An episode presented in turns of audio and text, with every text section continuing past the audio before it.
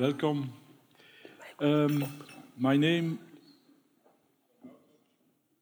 and I represent the Center for Contemporary European Philosophy that coordinates tonight, together with the French Literature Department and Radboud Reflects, uh, tonight's event. The, I'll call it CCEP, um, together with the, French, with the Department of French Literature of our university, started already more than five years ago a very successful cooperation with the Université Cheikh Anta Diop in Dakar. And in the context of that cooperation, we organize every two years an international conference, alternatively in Dakar and Nijmegen. And tonight's uh, presentation by Dr. Bambi Ceuppens is one of the keynotes, one of the two keynotes of this congress, of this conference. And the title of this conference, as some of you probably know, is Thinking Articulation, Pensée, l'Articulation. And it takes place from the 6th to the 18th of April. Now, the organizers of this conference, both on the UCAD side, Université Cheikh Anta Diop, and on the Radboud side, wanted to give their collaboration a greater visibility by inviting the academic community at large to one of its keynotes. We believe indeed that the dialogue between Europe and Africa, between Nijmegen and Dakar, is too important to leave to professional academics alone. And in order then to make this public event a success, we, lost, we looked for a team that is of general interest and of the utmost also political importance. Finally, we also looked for an international renowned speaker that is capable to present this topic in, more, in more than just a technical way. A few months before his election, the current French president, Emmanuel Macron, called colonization, for very good reasons, a crime contre l'humanité. Part of this crime was no doubt the massive displacement of objects of all kinds not only work of, works of art, but also, for instance, archives of all kinds, etc., from Africa to Europe, where they ended in private and public collections and were, and were exposed in all kinds of museum, in our museum. In doing so, we made it very difficult for the people living on the continent that we invaded to establish a living and vital relation to their own history and culture. The problem of what to do with these displaced objects is already, for this very reason, of crucial importance, and we all, all have a duty to think about it. We asked Dr. Bambi Ceuppens, who is a renowned anthropologist and who works as a senior researcher at the Africa Museum in Tervuren, Belgium, to present her views on these issues. Bambi Ceuppens is no doubt among the people that are best placed to discuss this topic since she works as a curator at the Africa Museum, Belgium Africa Museum, and she is the scientific commissioner for human sciences of the new permanent exhibition of this museum. She is known in Belgium and beyond by the larger public as a strong and critical voice in the debates on decoloniality that are obviously intrinsically related to the, to the topic we will discuss today. After uh, Bambi Ceuppens' presentation, my colleague and friend uh, Bado Ndoye, who is a professor at the Université Cheikh Anta Diop, will give some general reflections on Bambi Ceuppens' presentation. And after that, we will all have the possibility to ask questions, formulate worries, etc. But I now first give the floor to uh, Bambi Ceuppens. Bambi, we are.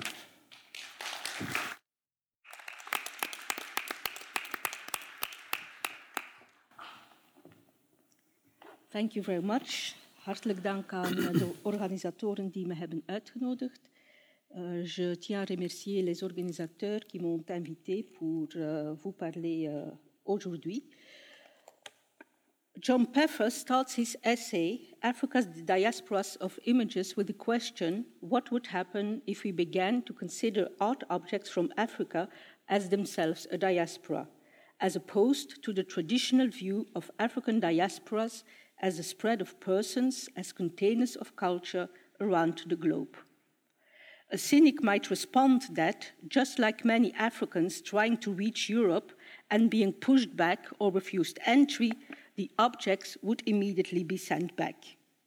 On the 21st of February of this year, the world renowned Congolese choreographer and dancer Faustin Linyekula was supposed to present his new spectacle, Histoire du Théâtre 2, in Ghent, but on 16 January, the theatre management was forced to cancel the premiere because the Belgian authorities refused to grant a visa to four lesser known Congolese artists working with Linyekula.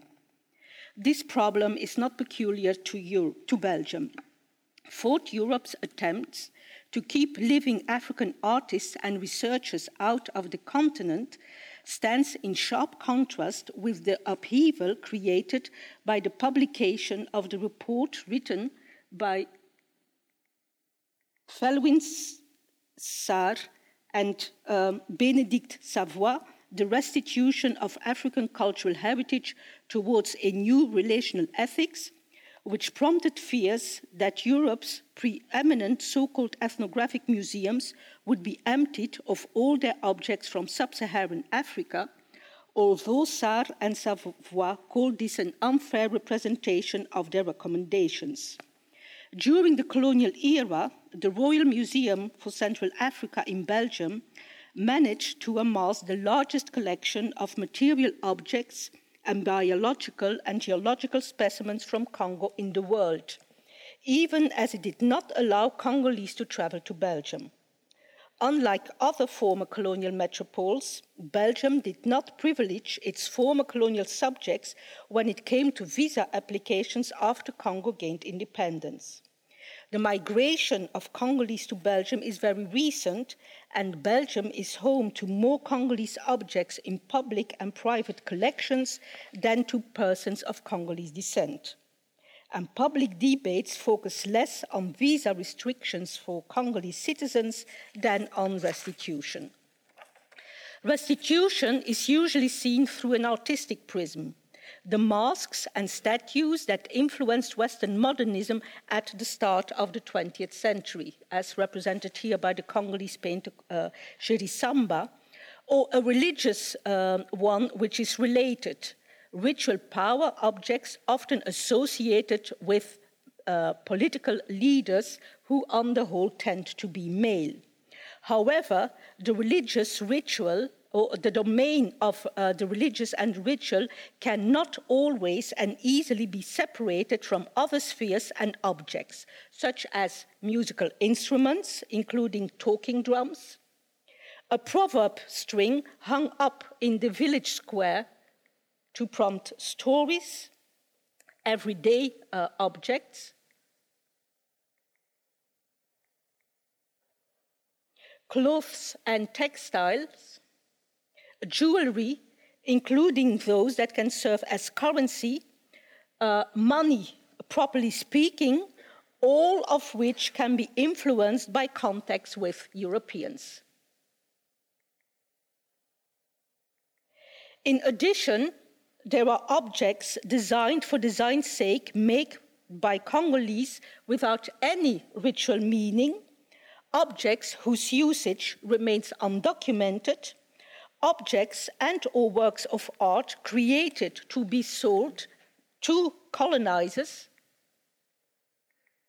And i give you just a few examples um, and you may be surprised at some uh, of the objects.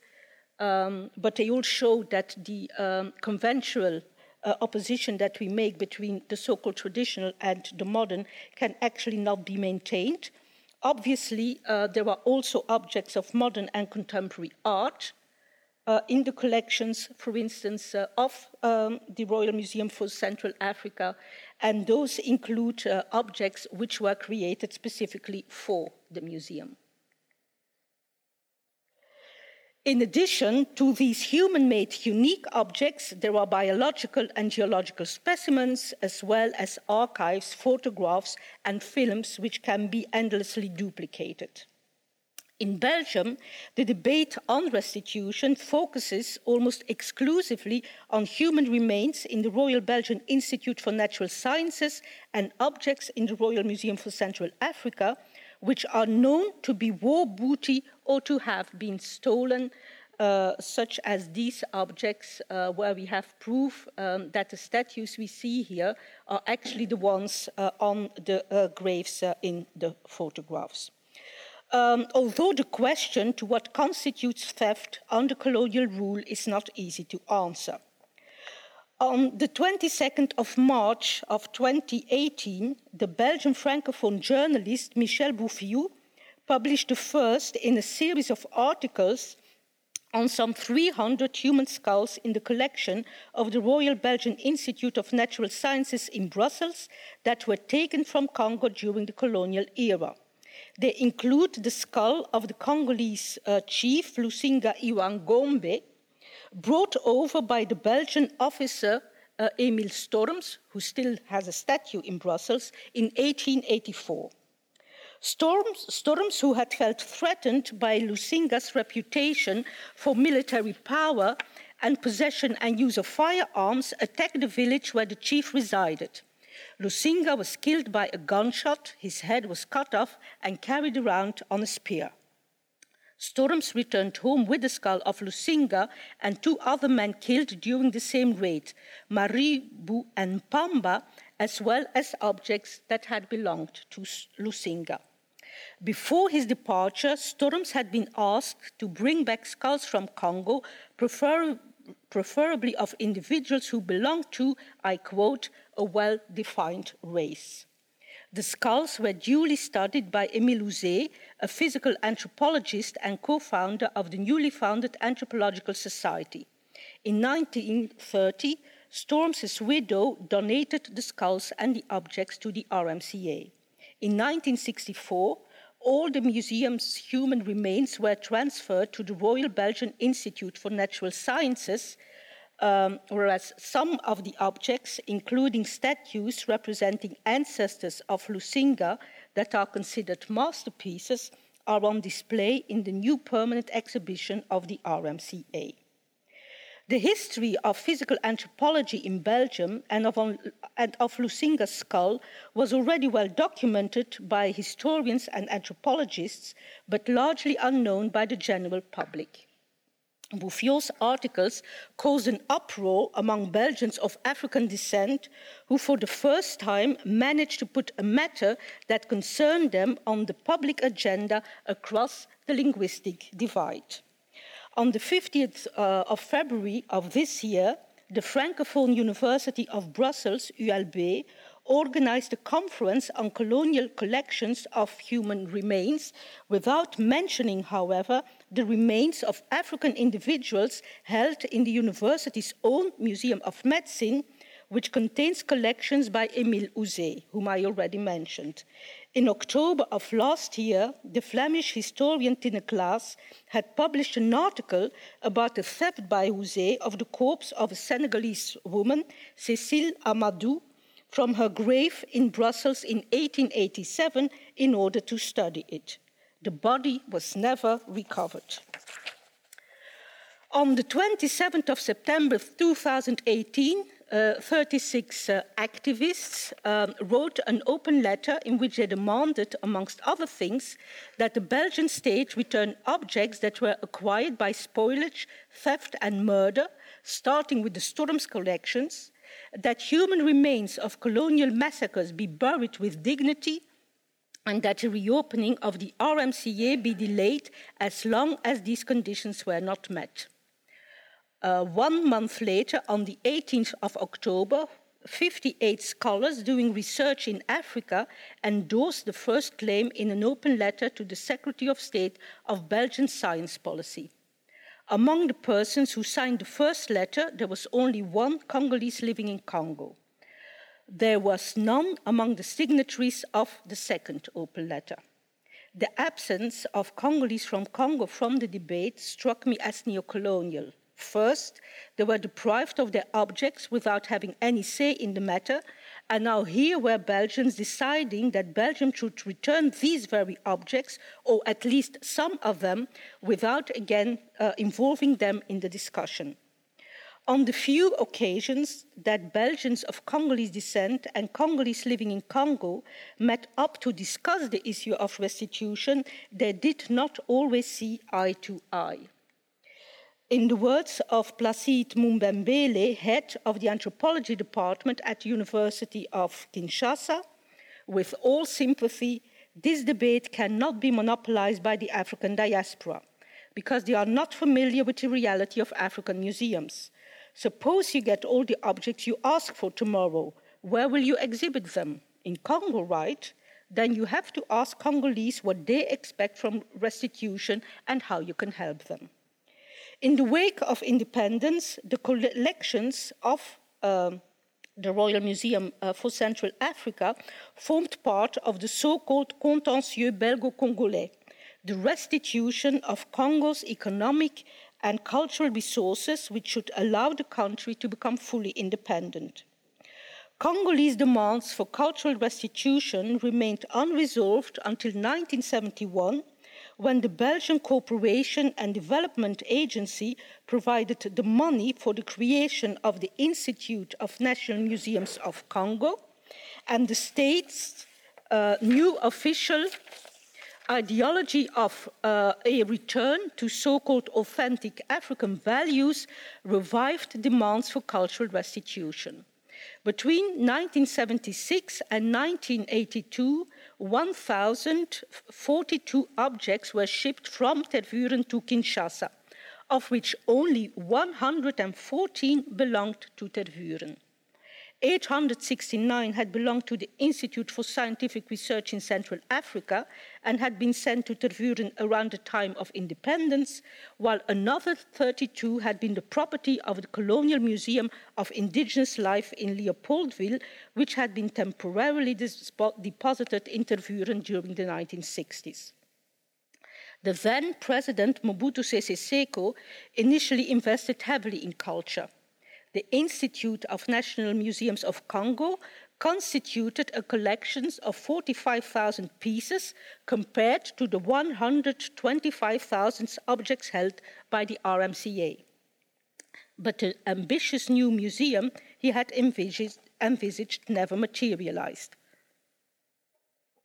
As the economic situation declined, not least because of Mobutu's own rule, funds for the running and maintenance of the existing existing museums dried up.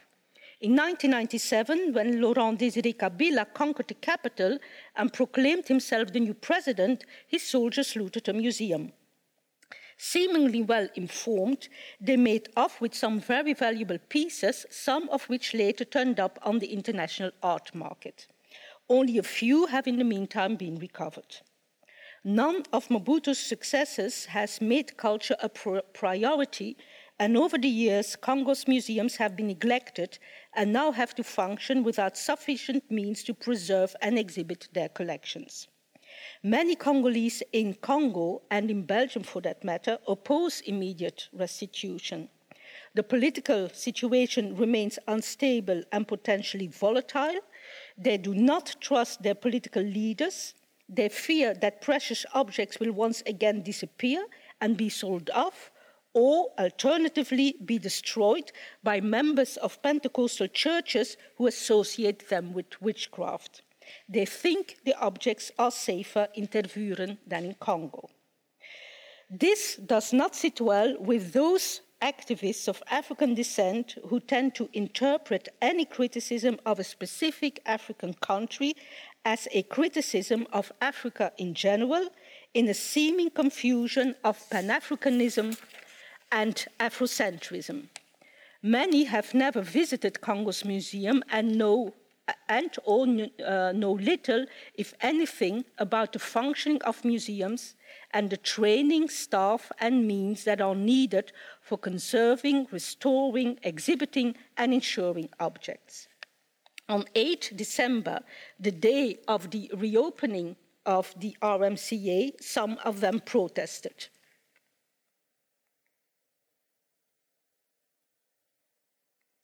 Other Congolese can be critical of the museum while visiting it nevertheless in order to, to reconnect with the histories and cultures of their country of origin.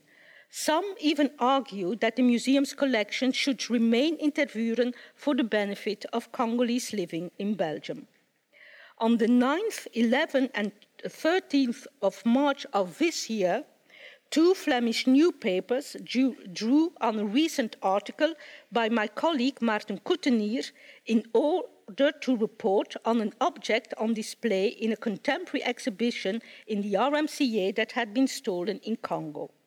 In 1878, the Belgian factory manager Alexandre Delcommune entered into conflict with nine chiefs in Boma who had increased taxes on trading routes to offset their losses caused by a drought. When Delcommune protested, the chiefs riposted if the whites were not satisfied, all they had to do was to return to the place where they came from.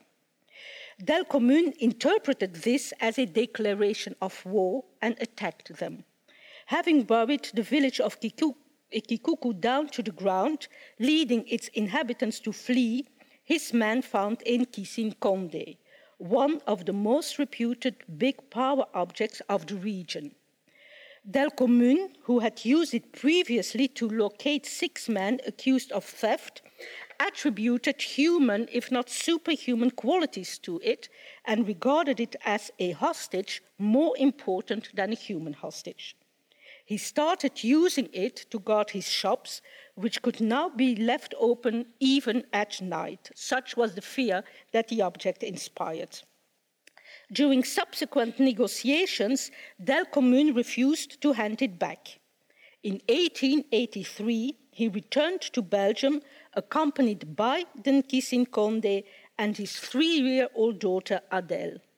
Her mother was Mabengia, daughter of Mambuk or Chief Yukapava, the local guardian of the French factory to whom Delcommune had to pay rent and other charges.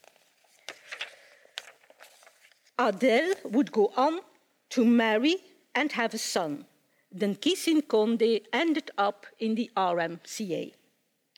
In the second part of this lecture, I want to use Delcommune's abduction of the Nkisi Nkonde and of his daughter as a starting point to look at restitution in relation to the anthropological literature on exchange.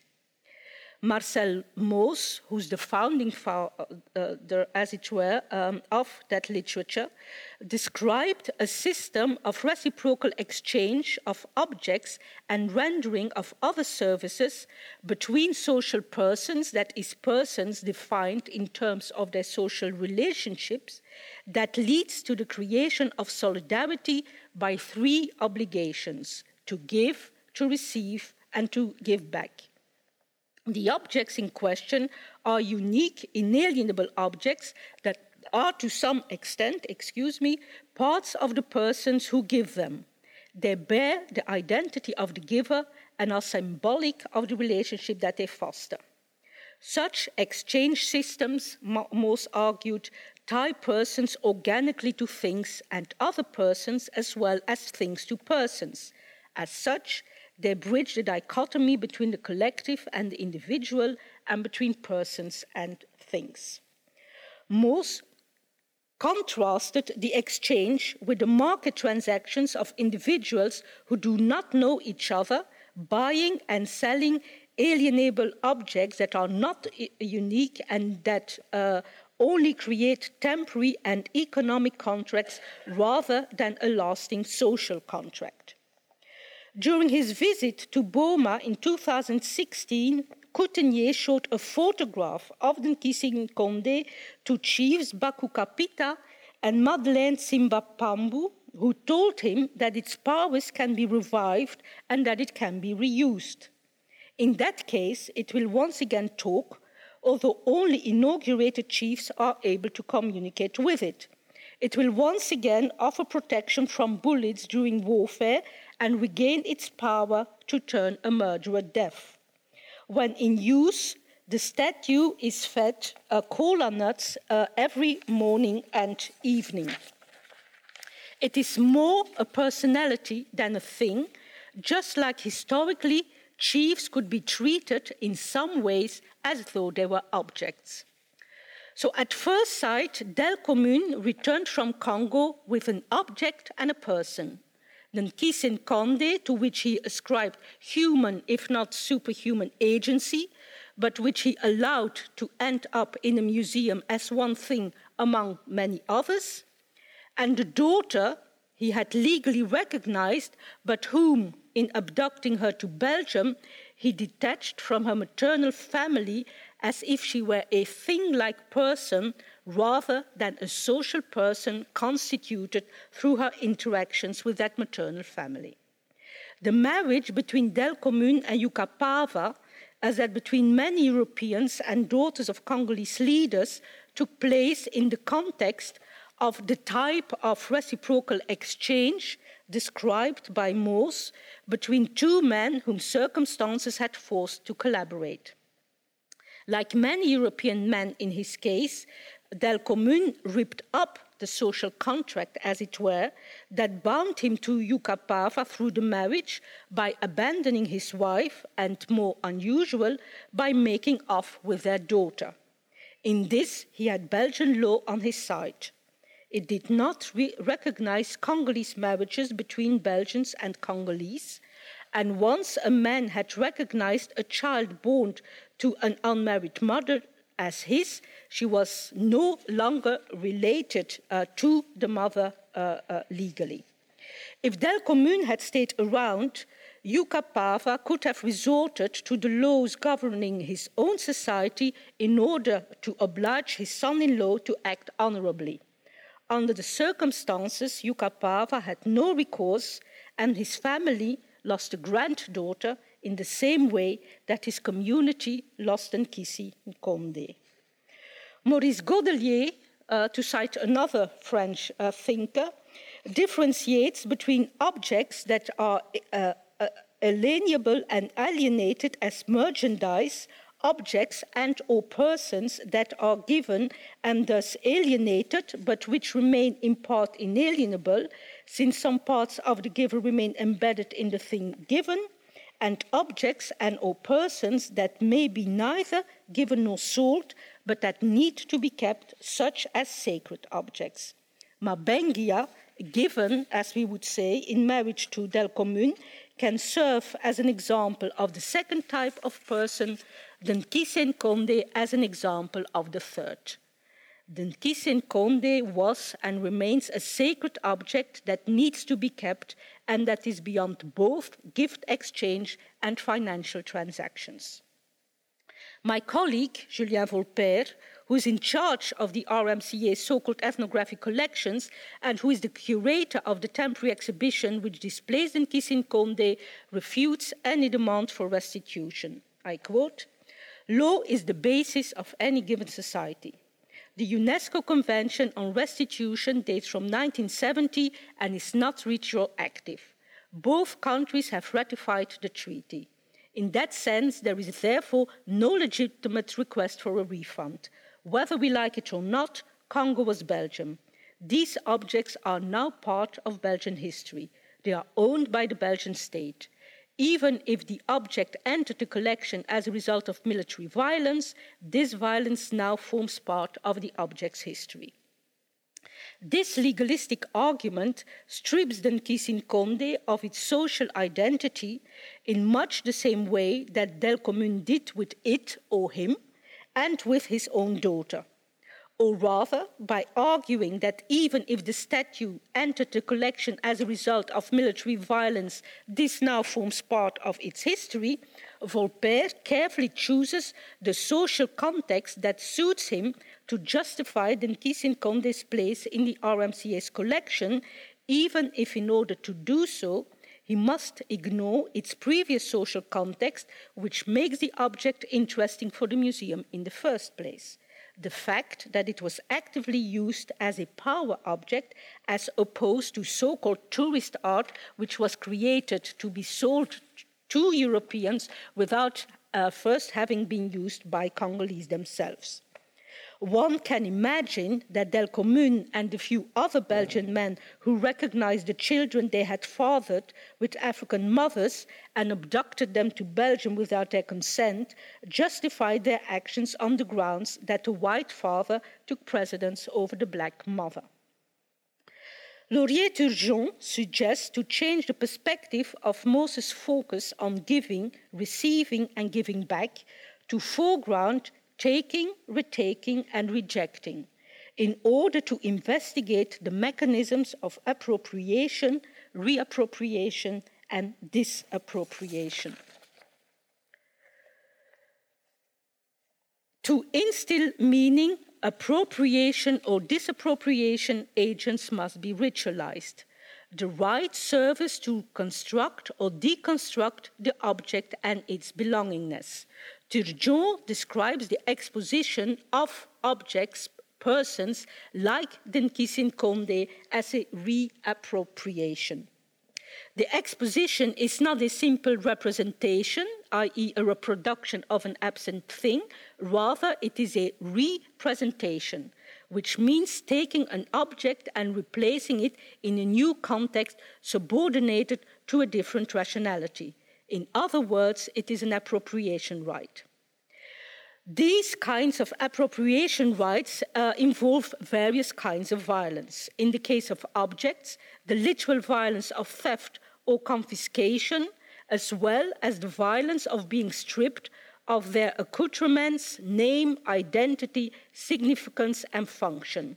In the case of persons such as Adele, their abduction, renaming, reintegrating in a new family and a new lifestyle reappropriation rites can transform persons and or objects into objects of art redundant to utility by sacralizing them.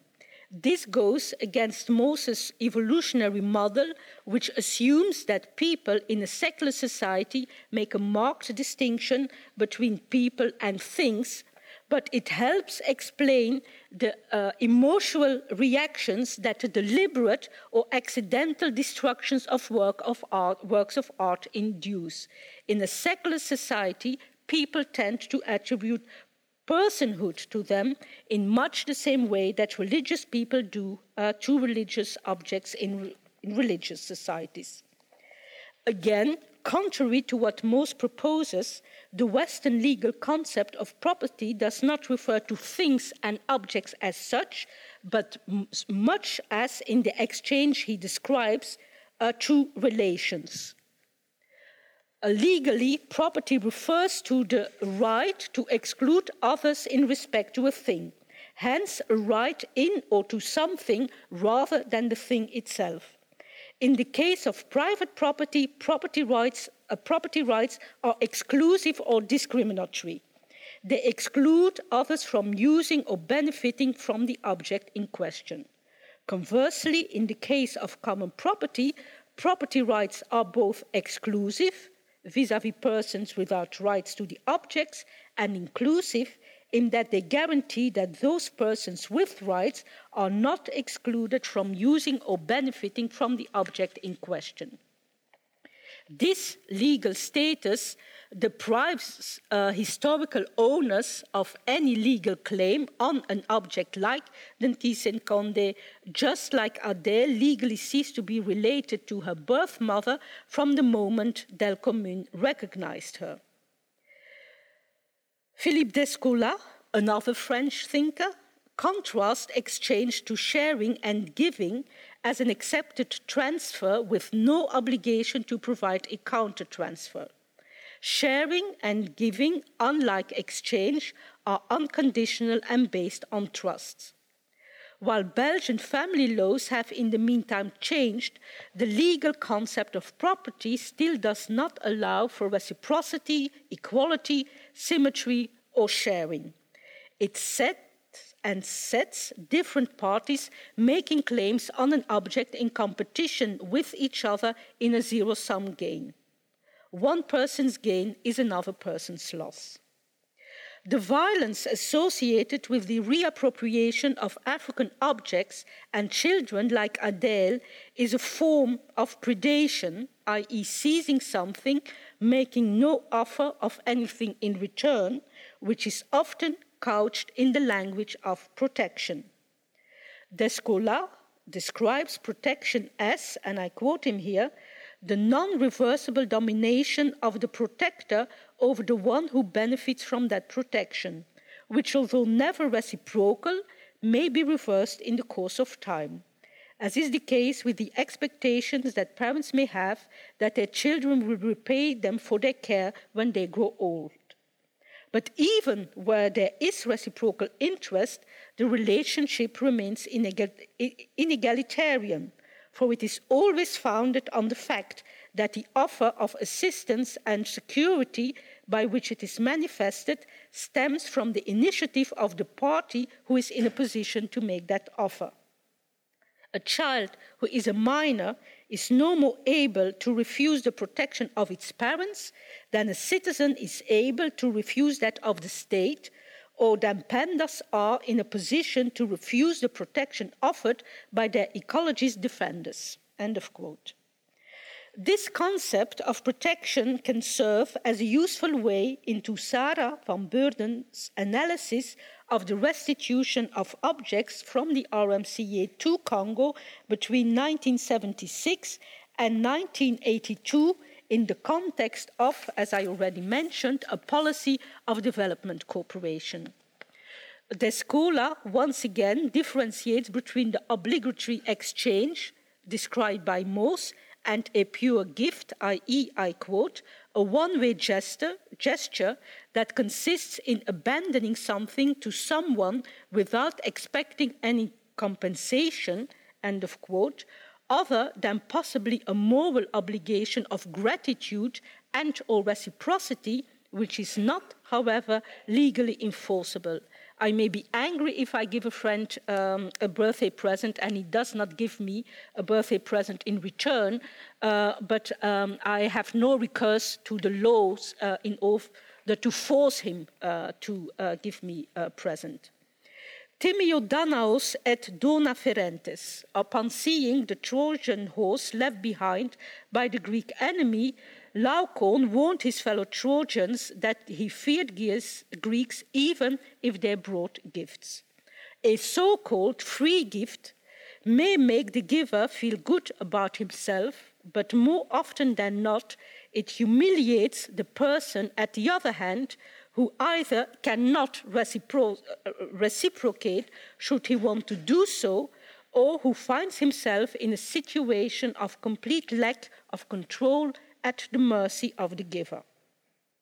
Jock Stirrat and Heiko Henkel argue that in the context of development aid, what may start out as a purely free gift is progressively transformed into an interested, accountable, and non free transaction, as it becomes entrapped in, trapped in a system of rules and regulations that are antithetical to the spirit of the free gift. Rules that govern the use of donations turn these gifts into accountable items. During the 1970s, Lucien Cahen, the then director of the RMCA, avoided use of the term restitution and instead wrote that, I quote, in the context of exchange and in an atmosphere of understanding and mutual respect, the Royal Museum for Central Africa could exchange and even gift objects. By talking about gifts to Congolese demanding restitution, Cahen made clear who was in charge. His language hinted at an equal relationship, but merely served to mask the fact that Belgium was holding most of the chips and determined to keep the upper hand. In much the same way, European states' arbitrarily decisions to grant or withhold visa make Congolese feel as if they have um, these states have the power to lock them up uh, in their home country. Mauss observed a transformation of governments as a system in which patronage and objects are given in exchange of favors and, as such, created bonds of obligation and loyalty into an anonymous, rational, bureaucratic system. Apart from other problems with this evolutionary model, it leaves out changes in relationships between societies. In the supposedly free gift of colonial civilization and post colonial development cooperation, the act of receiving is hedged with conditionality at best, while at worst the gift may become a form of patronage and a means of control. It was in reaction to this precise paternalistic model of colonial government that Mobutu demanded restitution, a term which foregrounded the illegitimate ways in which the RMCA had gathered its collections. He expressed this demand for restitution in relation to a state ideology that promoted a complete rupture with the colonial past on the grounds that Congolese had to be reconciled with themselves in order to gain not only political but also cultural sovereignty. In a drastically different uh, geopolitical situation 50 years later, Mumbembele, who is not a political leader but a researcher, reframes restitution differently.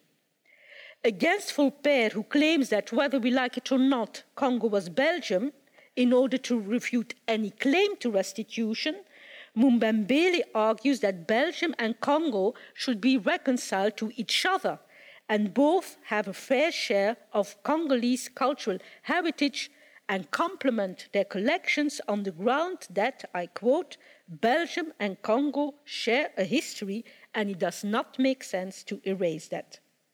He stresses reciprocity even as he recognizes differences in the level of expertise, infrastructure, and law in Belgium and Congo. I quote him again restitution must be made according to scientific criteria. First, a complete inventory must be made in both countries which objects, how many, which quality. Based on that, we can see which gaps there are in both collections. In Kinshasa, for example, we have no artistic masterpieces. It can take two, five, or ten years, but in the meantime, we can train staff in Congo. Many people in the existing institutions know nothing about the artistic value of the objects, about preservation, uh, restoration. Moreover, the legal framework for art patri uh, patrimony is weak in Congo. By the time the first objects return, there must be watertight legislation and protection. End of quote. Most Congolese I interviewed in Congo between 2000, in 2009 and 2010 on the future of Belgian Congolese relations agree with um, Mumbembele that, for better or worse, Congolese and Belgians are bound by the history of colonialism, which they did not ask for, but which, as Lusinga and the nine chiefs of Boma found out to their cost, they were unable to refuse.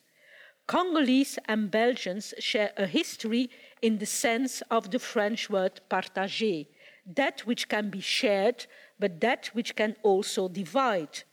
It creates mutual and reciprocal obligations between Belgians and Congolese, even if the former are and remain more powerful than the latter. Many Congolese in Belgium speak from a very different position. For them, presence of both African persons and artifacts in Europe is fundamentally entangled through dispersions, displacements, and processes of classification and reclassification induced by colonization. We are here because you were there, as the saying goes. Often they are merely concerned with justice in the abstract sense, with little or no interest in or understanding of the realities on the ground. Until the question of restitution is resolved, museums like the RMCA need new curatorial practices uh, which no longer cost collections as property in the legal sense, but which recognize non property relations such as guardianship, access, use, and interpretation. Such a new approach can forge and foster more egalitarian relationships between museums and persons of Congolese descent, new connections between Congolese persons and objects, and create enhanced knowledge and understanding of Congolese objects. In order to get there, museums should stop their major preoccupation with control, in the sense of physical control uh, of so called passive objects and access to them, control of information, and control over the presentation of objects and the representations of other cultures. During the colonial era, Belgian colonial agents tried to apply similar levels of control over children born from sexual unions between African women and European fathers who were not recognized by these very same fathers. First, they obliged mothers in Rwanda and Burundi, and to a lesser extent in Congo, to have their children educated in public schools and orphanages. Then, between 1958 and 1962, they abducted some 300 children to Belgium without the explicit consent of their biological mothers.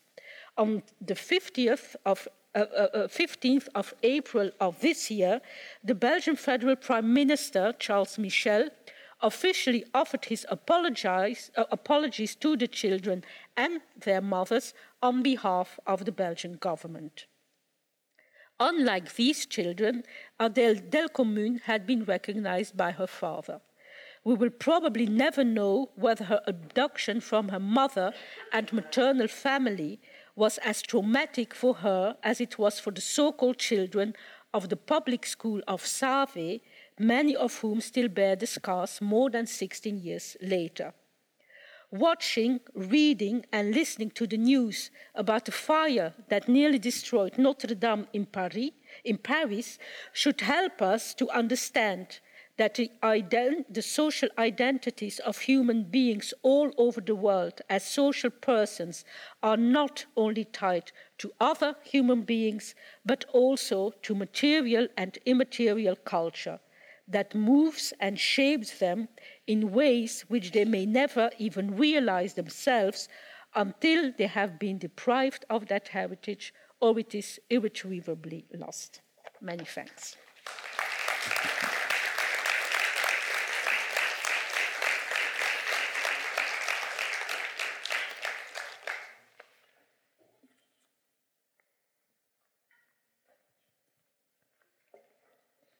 You want me to introduce you again?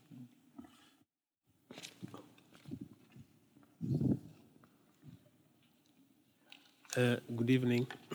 Uh, I would like to thank uh, Philippe van Houten and uh, um, Bambi Ceuppens for the brilliant presentation of what is at stake in this issue of uh, restitution. I would like to do a very short comment um, on this issue very short because my English is very poor and I cannot develop the two or three ideas I have uh, about this question.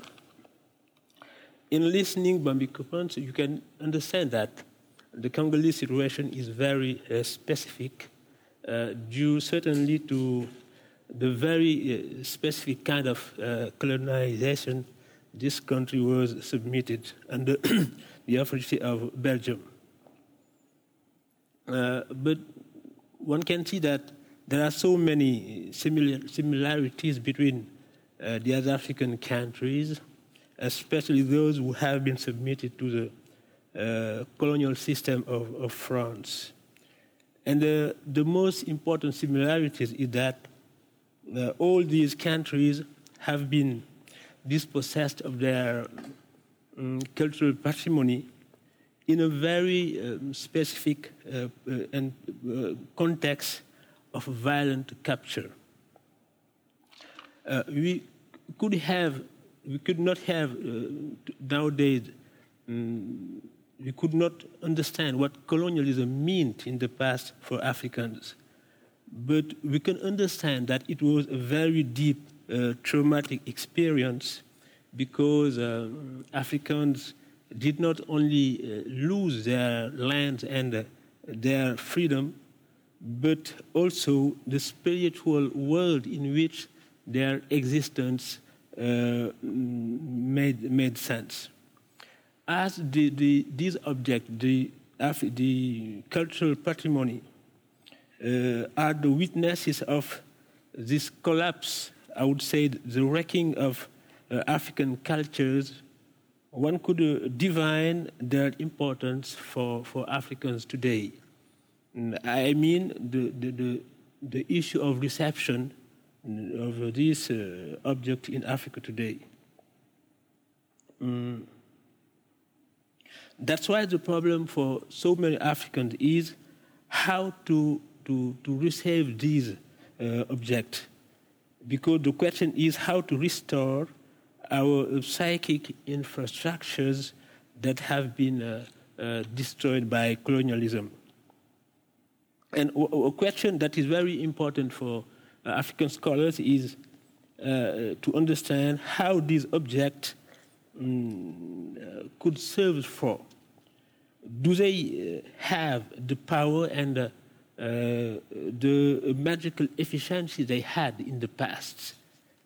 And I think that the response is evident for everybody. The response is no, because the, universe, the, the cultural universe in which these objects was, were produced is gone forever. And the question nowadays in Africa is what kind of utility these objects will have for Africans and for, especially for uh, the young generation. Uh, one alternative is to, to consider these objects as sources of uh, positive energy for, for the young generation uh, who need to, to be reconnected uh, with their history. And, but another uh, alternative is to consider them as intercultural objects. Uh, I mean by this concept the fact that they have influenced all over the world uh, very great uh, thinkers and, and artists. As everybody knows, the African masks have been played a very important role in, uh, in the birth of, uh, of Cubism in painting, and especially in Picasso's work. Everybody knows that the famous uh, piece, Les Demoiselles d'Avignon, that is that are in uh, the Museum of Modern Art in New York, is evidently in resonance with uh, Negro African aesthetics. And for that reason, uh, these objects are not only Africans because they have influenced other uh, creators all over the world, and that's why there are so many people, so many scholars in Africa who consider them as intercultural objects. Uh, uh, so, what does it mean uh, for, for, for us? Uh, it means that these objects are not only Africans, they uh, could as well as be considered uh, as a human, uh, a common heritage of uh, all, all, mankind. Unfortunately, the very, my very broken English doesn't allow me to develop the two or three ideas I have on this issue. Thank you very much.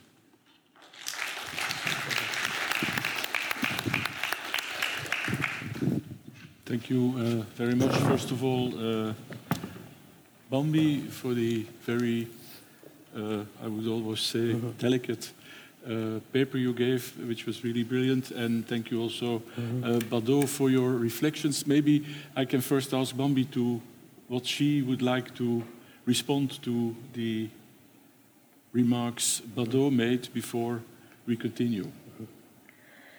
Uh, well, it's, it's, it's certainly the, the case um, that uh, different uh, conditions prevail uh, in different uh, African countries, and uh, that one should be very careful not to generalize. Um, and this is precisely one of um, um, the problems, as it were, that I have um, with um, some uh, activists uh, of African descent uh, in, in, Belgium um, who get very upset when you even try to suggest that uh, um, Congo may uh, not be able uh, to look um, at its cultural heritage in the best conditions right now because. Uh, they immediately uh, interpret it as a slur upon mm. Africans in general, as if mm-hmm. Africans in general would not be possible to do that. Whereas what I tried, and that's what, uh, why I wanted to talk about it, it's not, it's got nothing to do with something that is inherent in uh, African culture, uh, in as far as one can talk about a single uh, African culture in a continent that has a surface which is about one third of the moon, to give you an idea. Um, but it, is, uh, uh it, it, must be uh, uh understood uh, in the context of a specific political situation. Um, uh, and that is the wasteland that Congo has become um, in terms of cultural politics and policy since the 1970s. Um, and uh, I do not think that uh, we uh, do um, uh, the objects uh, or uh, the Africans who are um, the owners of the objects any favor if, if, we try to gloss over um, all these differences and all these difficulties that are related to um, political and economic and social situations which may differ greatly from one uh, uh, country to the other. Um, on the one hand, uh, quite obviously, um, I agree with the idea that. Um, African cultural heritage um, is the cultural heritage of humankind, um, but um, simultaneously, um, there is um, the problem that, um, I mean, as far as I'm aware, this is uh, an expression that has first, uh, um, or, or, that is certainly very popular um, uh, in uh, the North. And uh, I all too often have the impression that uh, claiming um, something as uh, a heritage of humankind uh, is something that people tend to do about uh, objects that do not belong to their own cultural uh, tradition uh, mm. in order to actually retain the control over those mm-hmm. objects that more often than not um, they have acquired uh, in uh, uh, dubious um, uh, circumstances. And then the other side of the story, uh, and this is something that um, a lot of African activists talk about and that I agree with, um, is that.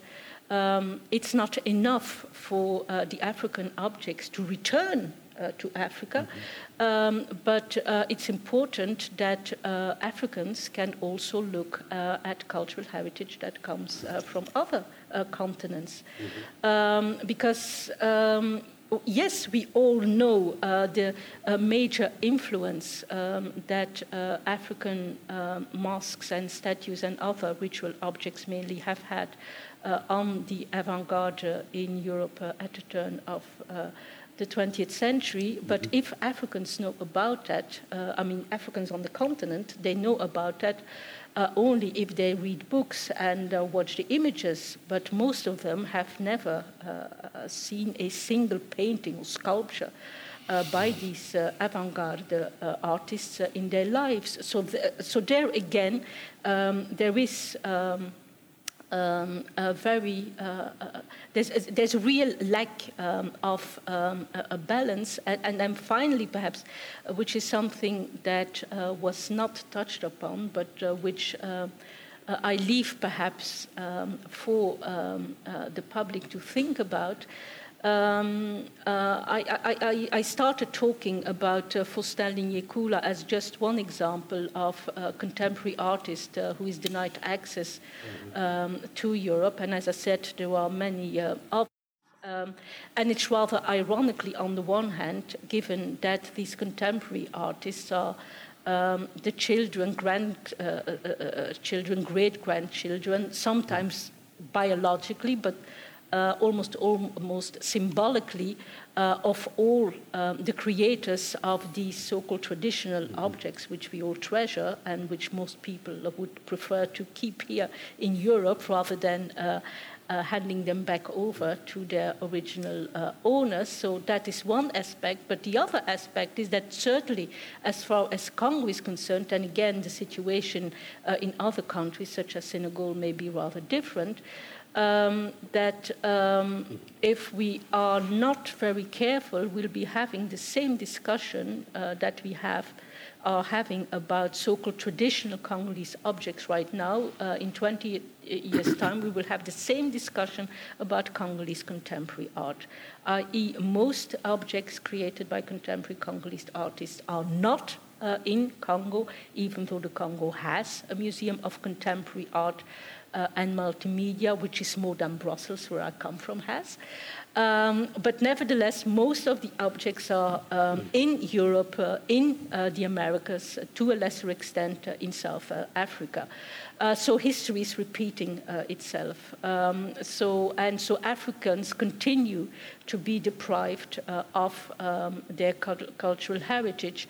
Um, nowadays, it's not daylight robbery or, or theft or war booty.